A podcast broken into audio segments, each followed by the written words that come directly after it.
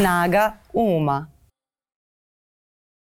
Dobar dan, dragi ljudi, dobrodošli u podcast Snaga Uma. Ja sam Miljana. Mi ovde od ponedeljka do ponedeljka razgovaramo, trudimo se da čujemo jedni druge, da vas možda inspirišemo da i vi čujete malo bolje ljude oko sebe. A danas se radujem što ću moći da razgovaram baš možda o tom fenomenu, o senzibilnosti, o osjećajnosti i o snazi i o vezi između te dve osobine, između tih neverovatnih kvaliteta uh, koje gajimo, koje gajimo daje ljudi koje poznajemo, a na koje možda e, ne obraćamo dovoljno pažnje. Moja današnja divna sagovornica je glumica Anđela Jovanović, koja je možda za mene lično i ovaj, prva asocijacija na te osobine. Anđela, dobro mi došla. Hvala, bolje te našla. Hvala na poziv. Kako si? Dobro sam. Dobro sam, ovaj, srećan sam što sam danas ovde, srećan sam što smo konačno uspele da se dogovorimo da dođemo u emisiju. E, pomenuli smo taj, tu hiper, taj hipersenzibilitet, e, osjećajnost.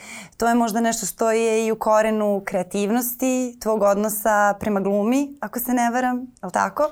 Jeste, da, e, definitivno mislim da je to ovaj, jedan veliki ventil za mene, upravo gluma i kreativnost mm -hmm. i da nekako ta hipersenzibilnost jeste motor za tako nešto i ako ovaj, um, uspeš da proguraš to da te ta osjećajnost ne parališe i da prosto ne bude preteška i ako uspeš da pretočiš to u nešto što je produktivno, mislim da je to neki ovaj, pravi onako put uh, ka nečemu kreativnom i nečemu što je i plemenito i dobro i što može i da pomogne drugim ljudima.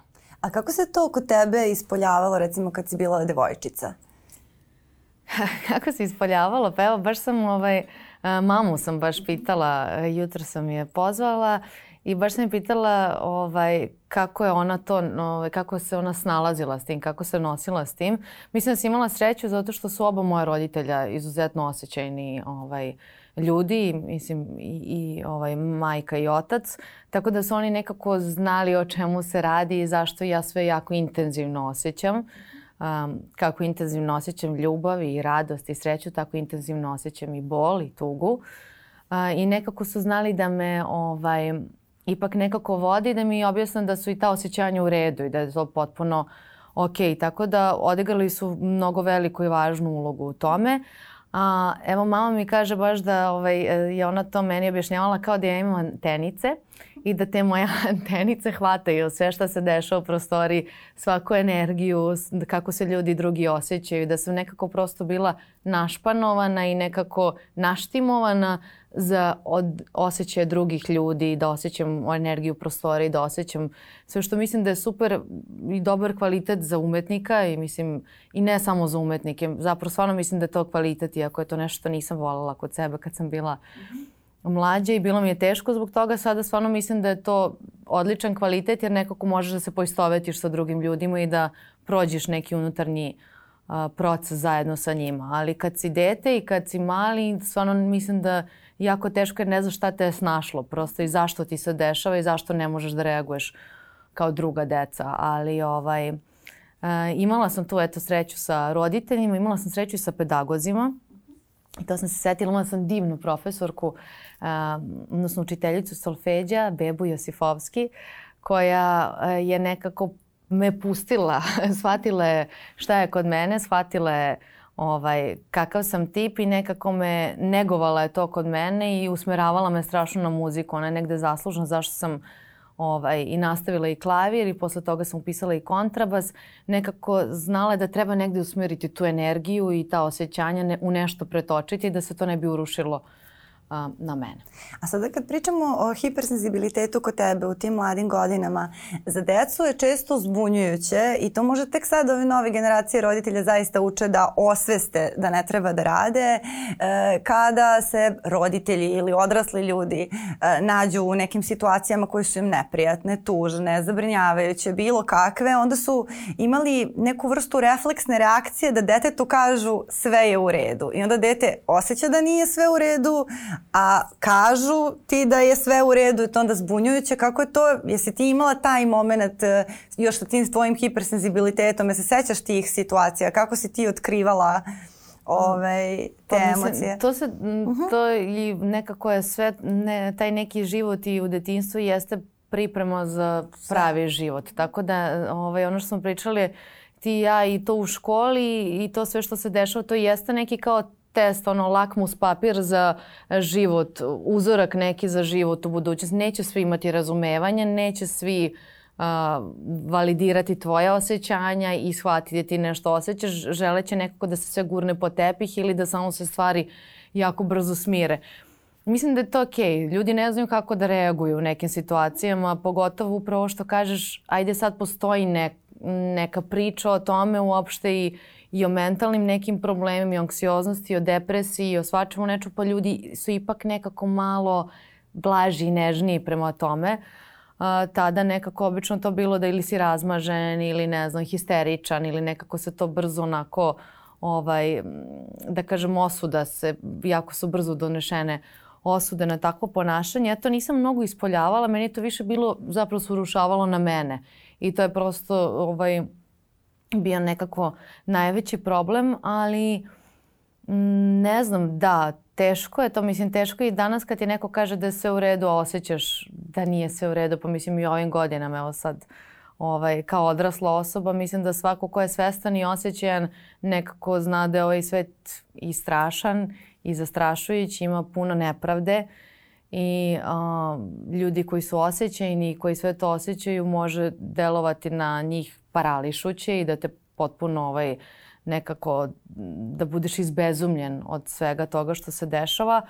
Ali ja stvarno nekako verujem u to da nema predaje i da je borba neprestana i da uh, to svu akumuliranu neku energiju koju osjećaš ako si hipersenzibilan ili uopšte osjećajan, možeš da iskoristiš za nešto drugo i da bude nešto produktivno. Ne mora da bude samo umetnost, ne moraš da budeš glumac ili pisac ili reditelj da bi se izrazio, već može da bude neki humanitarni rad i nebitno da odeš i da istrčiš, mislim, i da se baviš sportom ili bilo šta. Nekako mislim da ipak čovjek to mora u sebi nekako da prevaziđe, zato što ako očekujemo od drugih ljudi da razumeju sve što mi osjećamo i da ovaj, se prema nama ponašaju onako kako bi mi želeli, to se neće desiti. Mislim, u suštini to je jako redko. A kako si, recimo, u tim mladim godinama ili u pubertetu koji je dramatičan za sve, a kamoli za, za hipersenzibilnu decu, uh, reagovala i učila da obradiš situacije kao što je nepravda, kao što je emocionalno nezadovoljstvo kad nije sve po tvom, što je isto vrlo šokantno, uh, naročito za decu koje dolaze iz porodica koje su brinule o njima, jer tebi u suštini u kući sve po tvom i onda izađeš u svet i shvatiš da te neće možda svi voleti voleti tako kao što te vole mama i tata. To su sve vrlo čudne spoznaje. Jesu. Pa de, baš upravo to što kažeš. Bilo je naravno jako čudno. Ovaj, pogotovo ja sam odrasli sa bakom i sa dekom. Ovaj, u iste kući sa svojim roditeljima, tako da su baš imala onako... Svi su tvoji fanovi onda kao otkriješ da nisu. Jesu, nisu da. svi, zašto nisu i bože, ovaj, šta ja radim pogrešno i e, zašto svi ne trpe ovako moje ponašanje.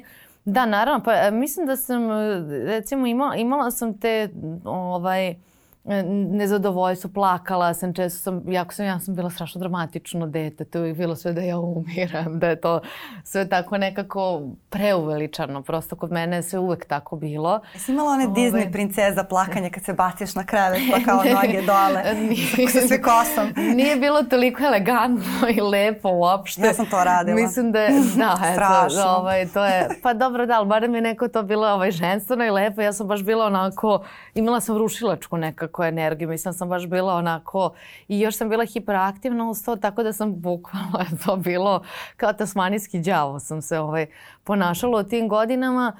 E, da, čudno je bilo to, mislim čudno je bilo to u osnovnoj um, školi zapravo to neko prilagođavanje, ali mislim da je svakom čudno. Mislim, uvek ti je to nekako, izađeš iz neke svoje rutine i nekog života koji ti se toliko utisnuo kao taj prvi deo života koji ti je najutisnutiji i najviše te određuje, ajde da kažem, karakterno i onda se baciš ovaj, u neku džunglu a, imaš i ovaj, razne ljudi, raznu decu, neka su divna, neka su surova, deca umeju da budu i surova i predivna i svakakva neka i prva zaljubljivanja i prva drugarstva i prijateljstva i uopšte susret sa nekim stvarnim svetom.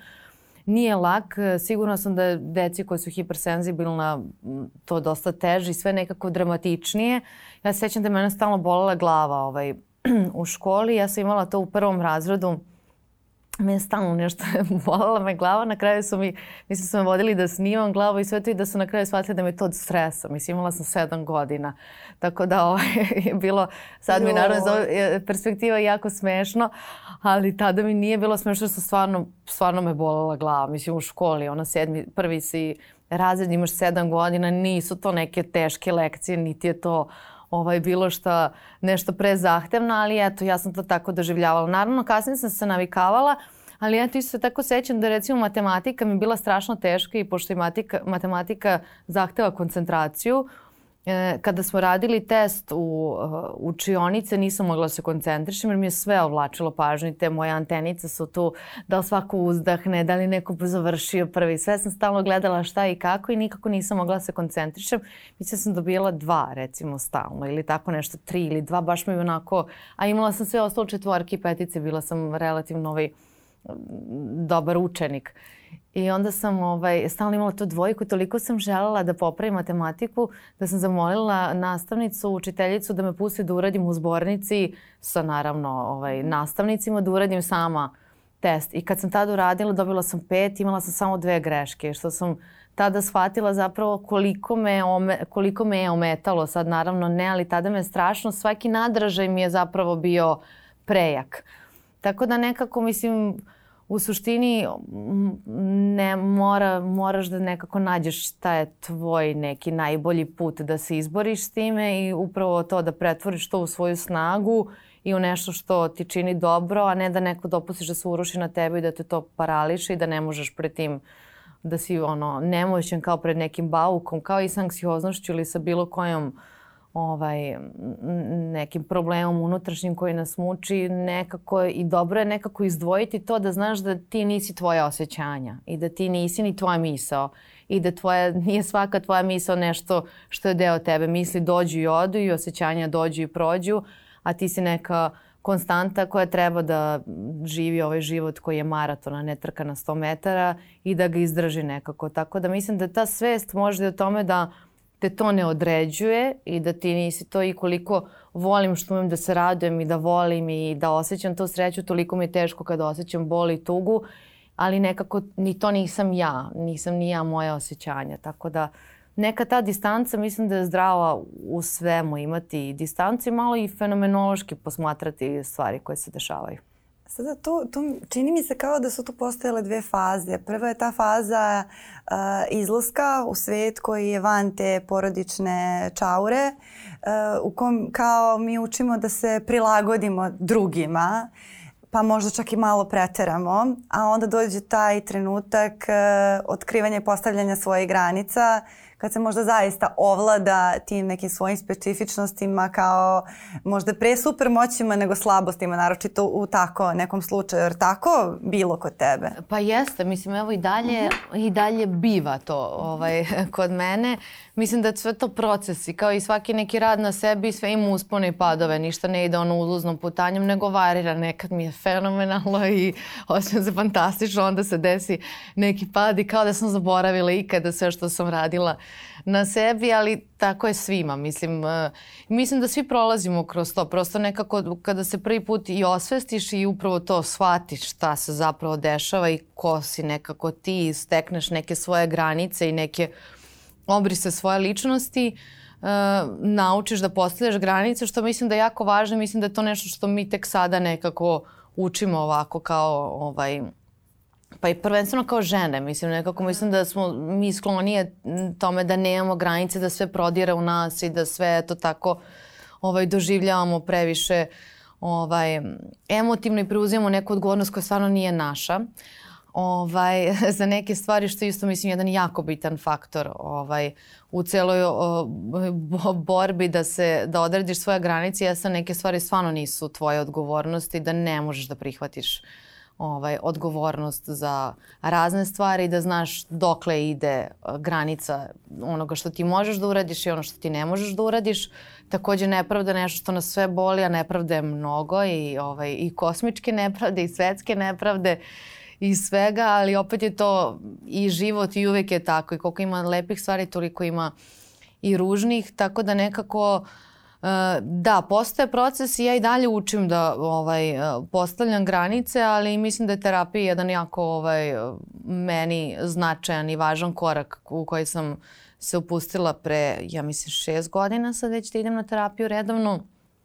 I da mi je to definitivno prvo me na, prosto naučilo da stvarno upoznam sebe i nekako da ipak preuzmem neku odgovornost za sebe što nije lako i što niko od nas ne želi.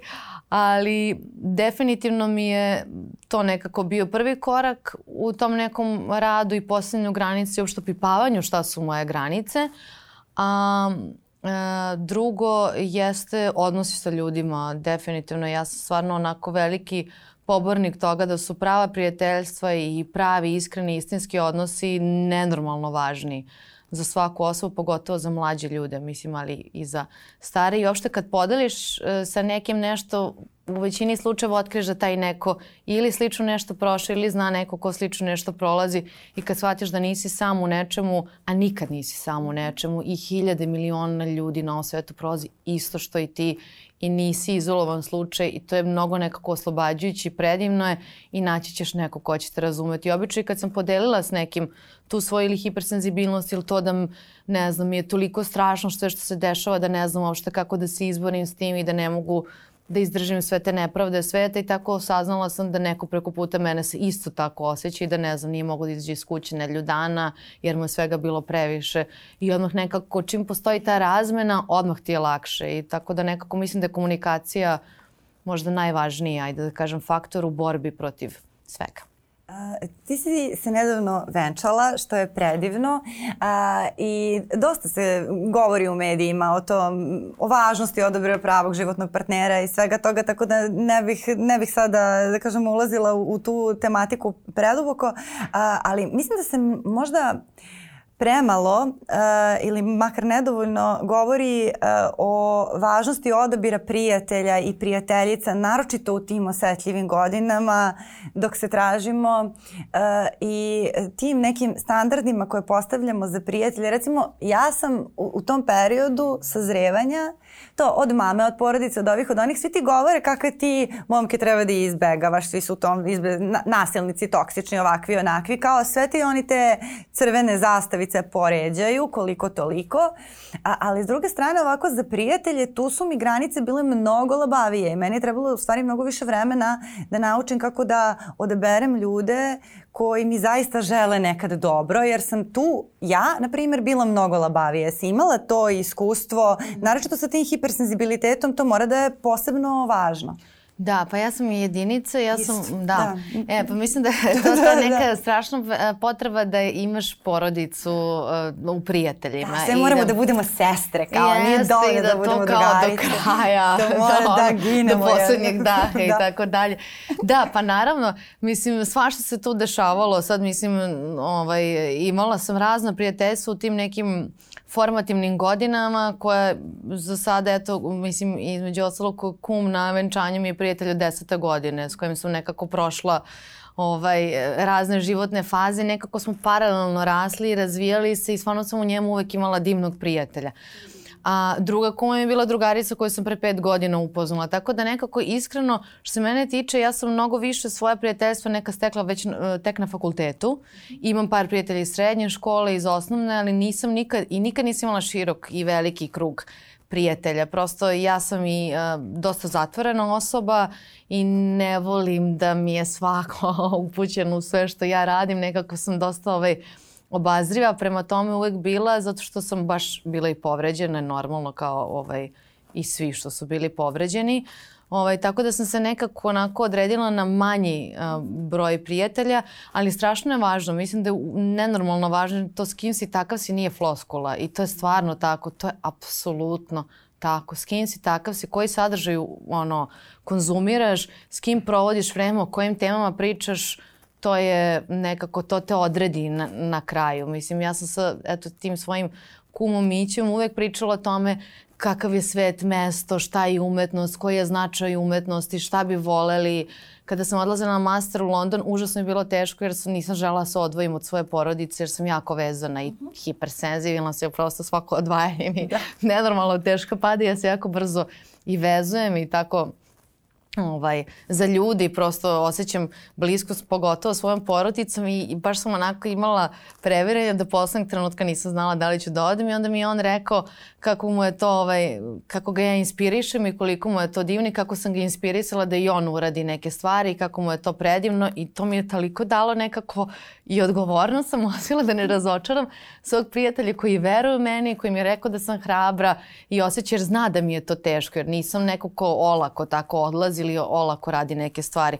Ali sam se često bacala u vatru i to mislim da je ovaj, isto jedan dobar put uh, u toj nekoj borbi, da baš stavljaš u neke situacije, nekako sam se navežbala da reagujem dobro u situacijama koje mi nisu prijatne. Pa i taj odlazak u stranu zemlju što je za mene bilo, mislim, ja sam užasno vezana za Srbiju, za Beograd, to su svi moji prijatelji porodice, sve uopšte nisam žela da promenim, ali mi je nekako to donelo toliko dobrih stvari, toliko sam sebe ponovo upoznala, toliko sam divnih prijatelja stekla tamo. Uh, A e, takođe ono što sam htela da kažem, mislim da sam uvijek birala prijatelje u kasnijim godinama koji su mi dozvoljavali da budem ja, odnosno da budem autentična i nekako jer kad si tinejdžer želiš da se ne izdvajaš, mm -hmm. mislim i kad si mlađa, ja sam samo žela da budem ista kao svi, da slušam istu muziku, da se isto oblačim, da budem apsolutno prosto nije popularno da se izdvajaš, a zapravo ti neki ljudi koji ti daju mogućnost da možeš da budeš autentična i svoja i drugačija, to su neki prijatelji evo koji su mi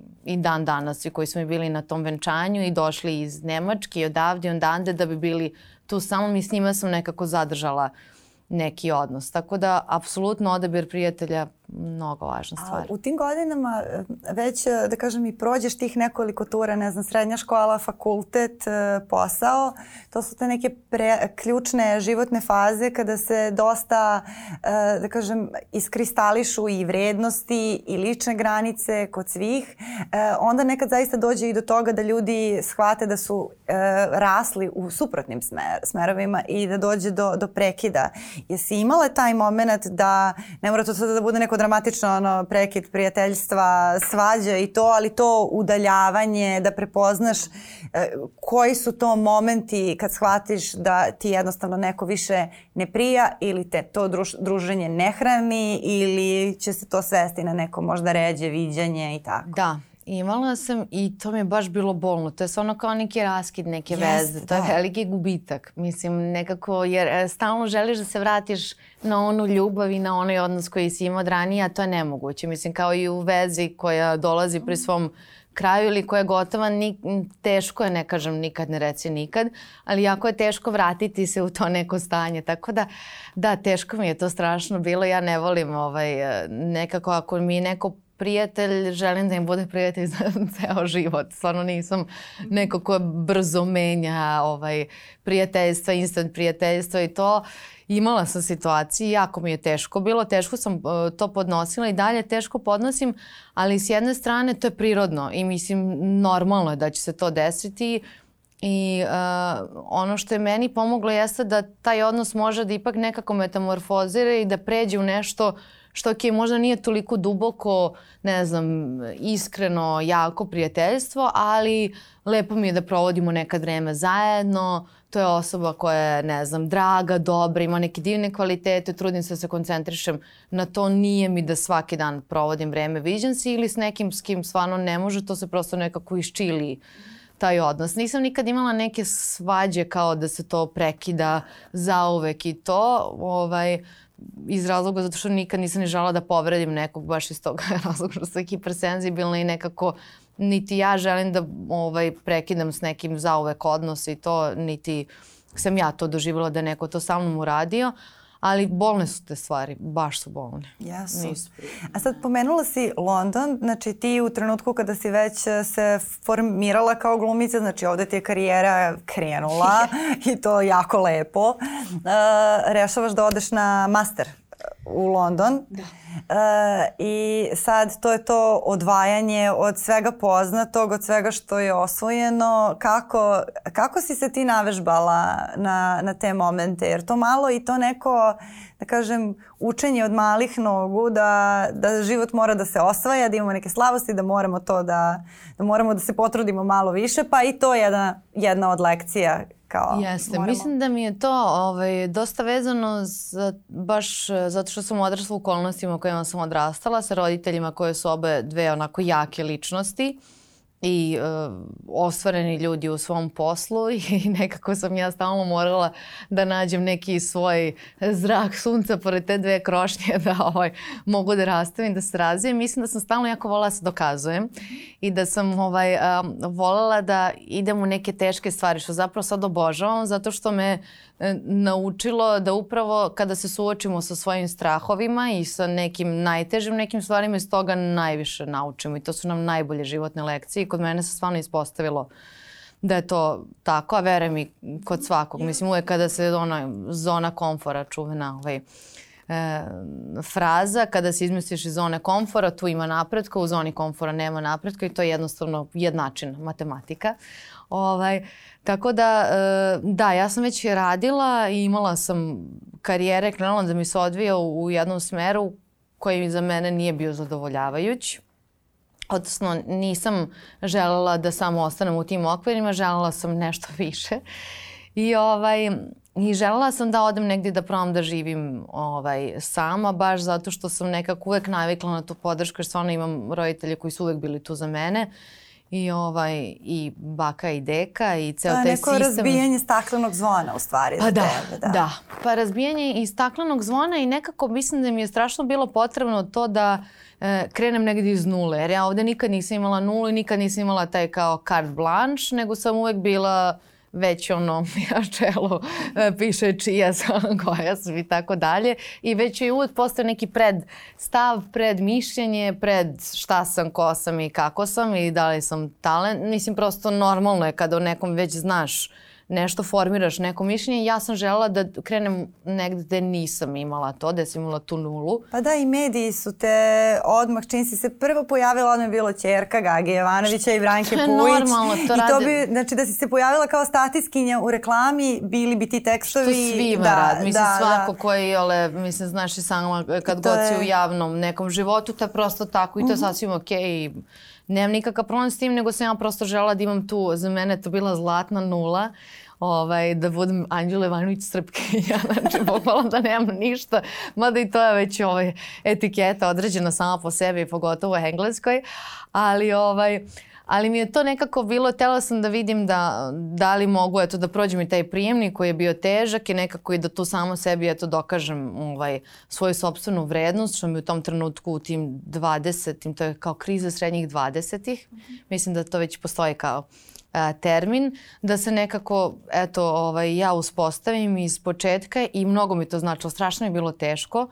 U Londonu bila sam sama, ali sam stekla divne prijatelje i vrlo sam se ovaj nekako ponovo izgradila i mnogo samopouzdanja nekog koje mi je zapravo suštinsko hvalilo u smislu da sam se strašno bojala da ako odem negde da će sve da nesta, da će sve da, da ja neću znati gde sam, ko sam, šta neću da te go. Mislim, da neću znati prosto, da, da, da, da jedem. Sam, pa da, da, da kao sve će nestati. To je taj iracionalan strah. Nekako to sve kao, ok, nije se desilo i kao, ok, upisala sam i ok, kao dosta se dobro snalazim i govorim drugi jezik i učim na drugom jeziku koji nije nešto sam ja govorila svaki dan, niti engleski, samo to da se prešaltaš mi je mozak bio pod konstantnim naporom i znam da mi se strašno spavalo, već u 8 uveče sam, ono strašno mi se spavalo, jer kao stalno moram da prevodim ovaj, sebi, ali mi je stvarno donelo mnogo toga. Prvo, stvarno sam puno naučila iz oblasti filma i opšte glume pred kamerom i svega toga. Drugo, taj život mi je donao ogromnu sigurnost u sebe, ali pravu neku sigurnost, ne to kao samopouzdanje i nešto e, voleti sebe i, ne, i neke e, termine iz popularne psihologije, već stvarno neko suštinsko kao uh, poverenje u sebe da iako se izmestim iz nekih okolnosti na koje sam navikla da ću preživeti i da ću kao biti okay i da ću uspeti da iz toga izaćem jača. Ovaj, Jesam i tako obično i biva. Teško mi je bilo što sam bila zatvorena za vreme korone, tamo i nisam mogla da se vratim kući iako sam patila za bakom i dekom. To je isto veliki stres, opet. I baš. to je bio veliki stres, da ja sam se jako ugojila tada u Londonu. Ovaj, Svi smo se ugojili u koroni Nisam i da niko koroni. nas nije video, nema da, veze. da su ono, kao svi posle toga bili kao daj čoveč, ono moram se vratiti među ljude. Ovaj, ali je sve to nekako stvarno divno jedno životno iskustvo i svakome bih preporučila da to je ona, ona izreka kao nije biti hrabar ne znači nemati strah nego ići napred unapred u, u, unatoč, u, uprkos, kao na hrvatsko, ovaj, uprkos e, strahu. Tako da nekako stvarno ovaj, preporučujem i to i dalje praktikujem taj model da sve što mi je neprijatno i što me čini e, da se osjećam ili anksiozno ili da neću uspeti, da nekako idem mic po mic ka tome, zato što me to upravo nekako brusi me i nekako se upravo idem ka tome šta želim da budem i kakva želim da budem i i ok ne znati nešto i ok biti nesigurno i ok nemati mišljenje o svemu na ovom svetu odmah instant i ok ne odreagovati u svakoj situaciji savršeno, perfektno i uvek uh, divno i spremno biti na sve i biti jako pametan, imati odgovor, sve je to apsolutno ok. Mislim da je to mnogo bolje i bolje pogrešiti nego da nikad ne probaš i da se uvek držiš u tim nekim svojim granicama da slučajno ne bi ispo glup ili slab ili kakav god. Nekako stvarno mislim da je važno da se nekako, ovaj, da uskočiš u tu hladnu vodu i da se pustiš. E, I sad tu dolazimo do, do te snage uh, koja je u stvari naša sposobnost da se nosimo sa emocijama koje nam se pre svega ne dopadaju. Uh, ali kod nekih ljudi ona čak i izostaje kod onih lepih emocija. Prosto neki ljudi ne umeju da se nose ni sa srećom. To je naročito, ovaj, naročito prisutno u nekim oblicima ovaj, ponašanja i slično. Sada da ne ulazim tu u detalje. Ovaj, kakav je odnos bio, kako si ti osvajala svoju snagu uh, i kako je izgledalo to tvoje sazrevanje, jer ti ukoliko te, ne znam, roditelji štite, jer si ti njihova malo osetljiva devojčica, to se nekako vrlo lako onda protumači kao da si slaba, kao da ti treba stalno neka zaštita. To su stvari dve različite stvari. Kako si ti to premostila i sama sebi predočila kao uh, ovaj, kao pa, snagu? E, nisu me nikad roditelji tretirali na taj način. Znači nikad se nisu, mislim da to jeste dobra stvar što nikad se nisu postavili prema tome da ja nešto ne mogu ili da sam ja slaba ili da ja, meni je potrebna dodatna zaštita. To super. Nikad, nikad nije bilo tako. Uvijek Nisi bila baš... njihova mala ne, stakla, to ne, je divno. Nisam, da, da. ne, mhm. nisam, nisam, de, pa. mislim, mama, naravno, kao ovaj, svaka majka, jeste, naravno, i brižni otac mi, mnogo su me volili. Dobro, svaka majka puno... misli da njeno dete mama za prehlade, ali to, Naravno, to su, ti to kažem, su drugi. I briga i da. to sve i prosto imala sam i ljubav i zaštitu, ali sam nikad e, nisam tretirala kao neko ko je užasno krhk i ko kao ne može nešto i nemojte njoj, ona je jadna ona. Ne, znači nikad nije uvek je bilo to Anđelo radi to sama, da nekako ja se sama izborim s time, da sama odem u to uvek je nekako bilo to da ja moram sama, što mislim da je najbolje nešto što su mi radili, jer danas ne bih mogla da uradim ništa od bilo čega, niti da odem, niti da se preselam, niti da upišem fakultet koji, ne znam, moji roditelji možda nisu želeli da upišem, niti da preuzmem opšte odgovornost, niti bih imala veru u sebe da nisam nekako dobila to poverenje od njih da ja mogu i da sam ja sposobna i da sam ja dovoljno jaka i snažna da mogu nešto da uradim. Tako da nikad se nisu prema meni postavljali kao da sam ja neki osetljivi materijal i kao pažljivo umotano u onaj, znaš ono što pucka kao da. kada umotavaju stvari, kao tako me nosite. Nisu se tako obhodili prema meni, tako da nekako mislim da, da je to uh, bilo dosta zdravo sa njihove strane, zdrav neki odnos prema tome što, ok, da, ja imam ta osjećanja, ok, da, ja osjećam jako, ja sam mnogo srećna kad sam srećna i mnogo sam tužna kad sam tužna i sve dramatično, dramatično i, i povišeno, ali nekako to ne znači da sam ja nesposobna, to ne znači da ja ne mogu da odreagujem u situaciju u skladu s time kakva je situacija i nekako se od mene očekivalo da prevaziđem to svoja, ta svoja jaka osjećanja i da se ponašam normalno prosto i u skladu. Tako da ovaj, uh, mislim da to što pričaš i, vezano za snagu, to je nešto na čemu se radi. Mislim, to je neki proces koji ne, kod mene ne prestaje i, i uvek, će, uvek ću raditi na tome.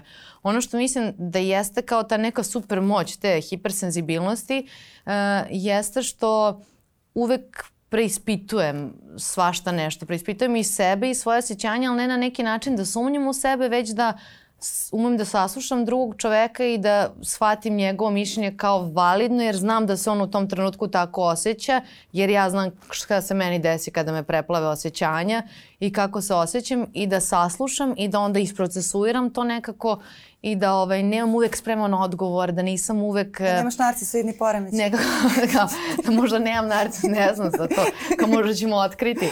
Ali, ovaj, pa, ali, ali to je suština. Ali Mislim, nekako... sada ja sam se našalila, pošto se dosta o tom narcisoidnom poremećaju više puni internet, stvarno ono, napravili su od, od narcisoidnog ličnosti, napravili su maltene monstrume po YouTube-u, to nije, nije da. tako, da. ali da, ta sposobnost da ti kad imaš nešto te preplavljuje, da opet imaš sposobnost da čuješ druge, to je jedna empatska osobina. Mi, eto, mislim koja je druga da, strana. Mislim da je upravo da. u tome nekako ovaj, e, i ta snaga i drugo e, što sam svesna svega toga. Nekako da. mislim da ta svest e, svest o ranjivosti i o krhkosti i o svemu tome nije nekako ovaj, nešto što me čini slabom, baš zato što sam svesna i znam sve to i znam koji i problem imam ili snagu, nekako mi je to uh, samo donelo mnogo više razumevanja za druge ljude, mnogo više razumevanja i za sebe, iako je to isto jedna klackalica naravno kao i sve, ali uh, definitivno, ne znam, baš sad gledam da dosta i stariji ljudi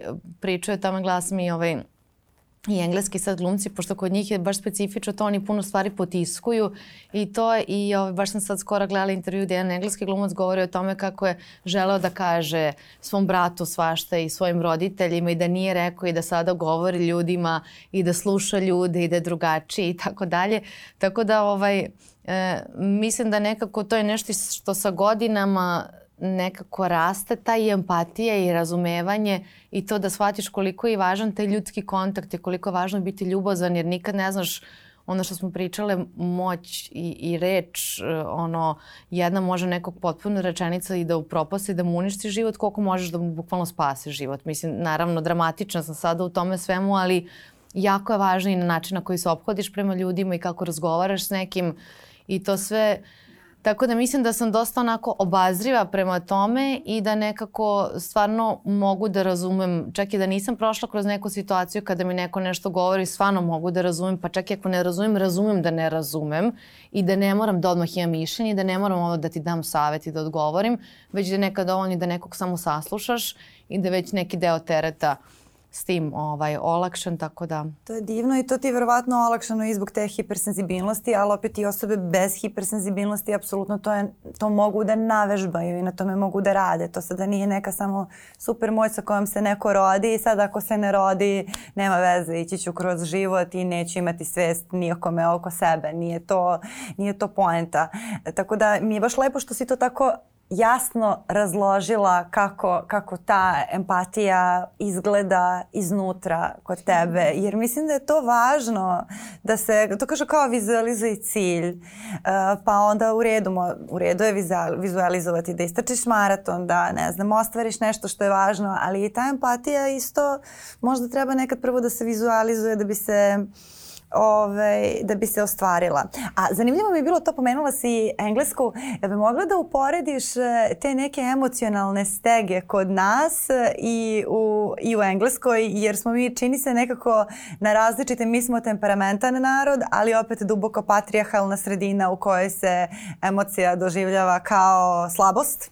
No. Da. A ne to kako se prema njoj obhodimo i šta sa njom radimo, a opet Britanci imaju neku svoju foru. Kako ti, je to, kako ti se to da, čini? Oni jako potiskuju ovaj, svoje emocije i ovaj, e, to dosta onako, mislim, mislim da nekako e, da smo mi negde jači u nekim stvarima kao ličnosti kakve god da smo, ali nekako ovaj, e, iskreniji smo. Oni su malo indirektniji narod. Mi smo do, direktni i ne mislim da je to uvek fenomenalno i da je fantastično biti direktan i da svakom kažeš šta misliš bez da uopšte pomisliš. Bez oni da uopšte su, razmisliš.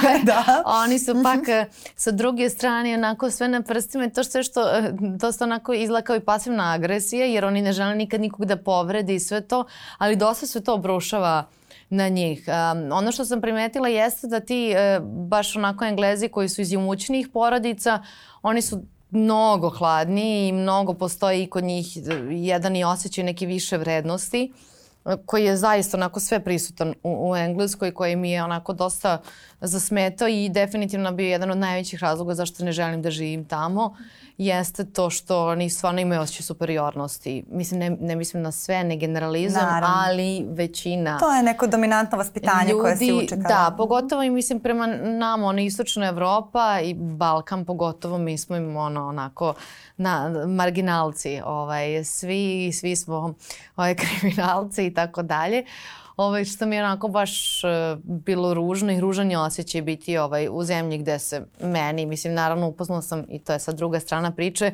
obično ljudi koji nisu iz imućnih porodica i obično ljudi koji su ne znam sa periferije Londona, recimo Peckham, odakle su Del Boy rodni, I ta ekipa, to je taj neki South East uh, London, oni su neverovatno slični nama, jako su srčani, divni su ljudi i ovaj... Pa dobro i po ekonomskim idejama. I po ekonomskim, pa to hoću ti kažem, nekako ovaj, kapiraju ovaj, mnogo bolje stvari to, i bolje tako, su ljudi. Da, profitiram, da, koreskira, profitiram, da mora stalno da i vrlo slično smislu za humor. I da, generalno da, da. je to bilo jako interesantno da u Engleziji mi imamo izuzetno sličan smisao za humor. Uh, divne sam stvari tamo ovaj, videla, divnu sam muziku slušala, na divne izložbe išla, predstave gledala, sve super, ali da, definitivno postoji taj neki osjećaj drugačiji, izopštavanje da jedno su oni, drugo smo mi i tako dalje, ali ove što su malo to ekonomski slični nama, to su stvarno predivni ljudi, imam divne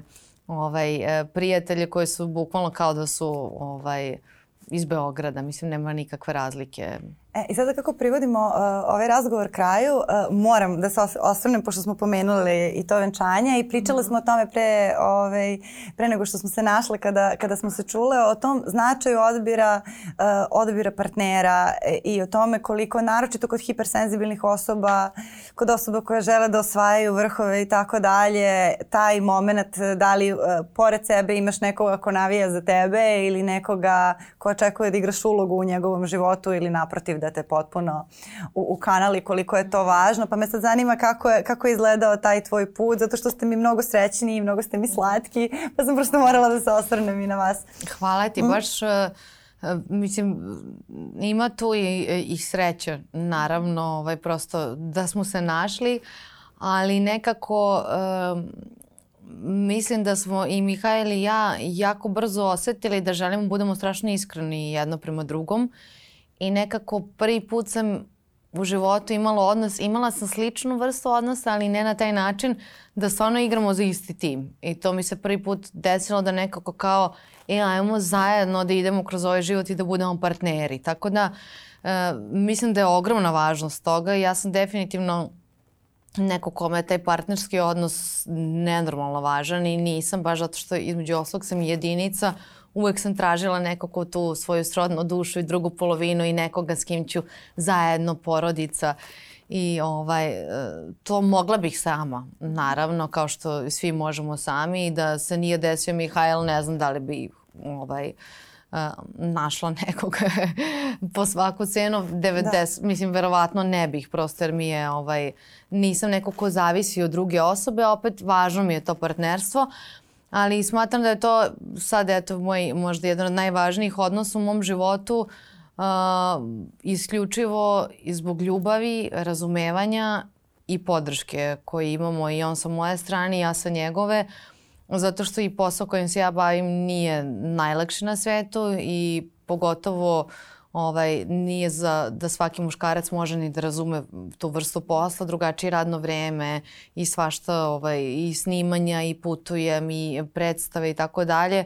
Tako da neki onako... Ovaj, I umor drugačije izgleda i umor drugačiji, drugo e, psihički si istrpljen, znaš, stvarno ovaj, postoji, troši ovaj posao, mislim, kao i svaki posao. I sad ne mogu da kažem, ne znam kako je doktorima i hirurzima, uopšte ne bih da ovaj posao dajem neki pretrani značaj, ima mnogo težih poslova, ali definitivno nije lak.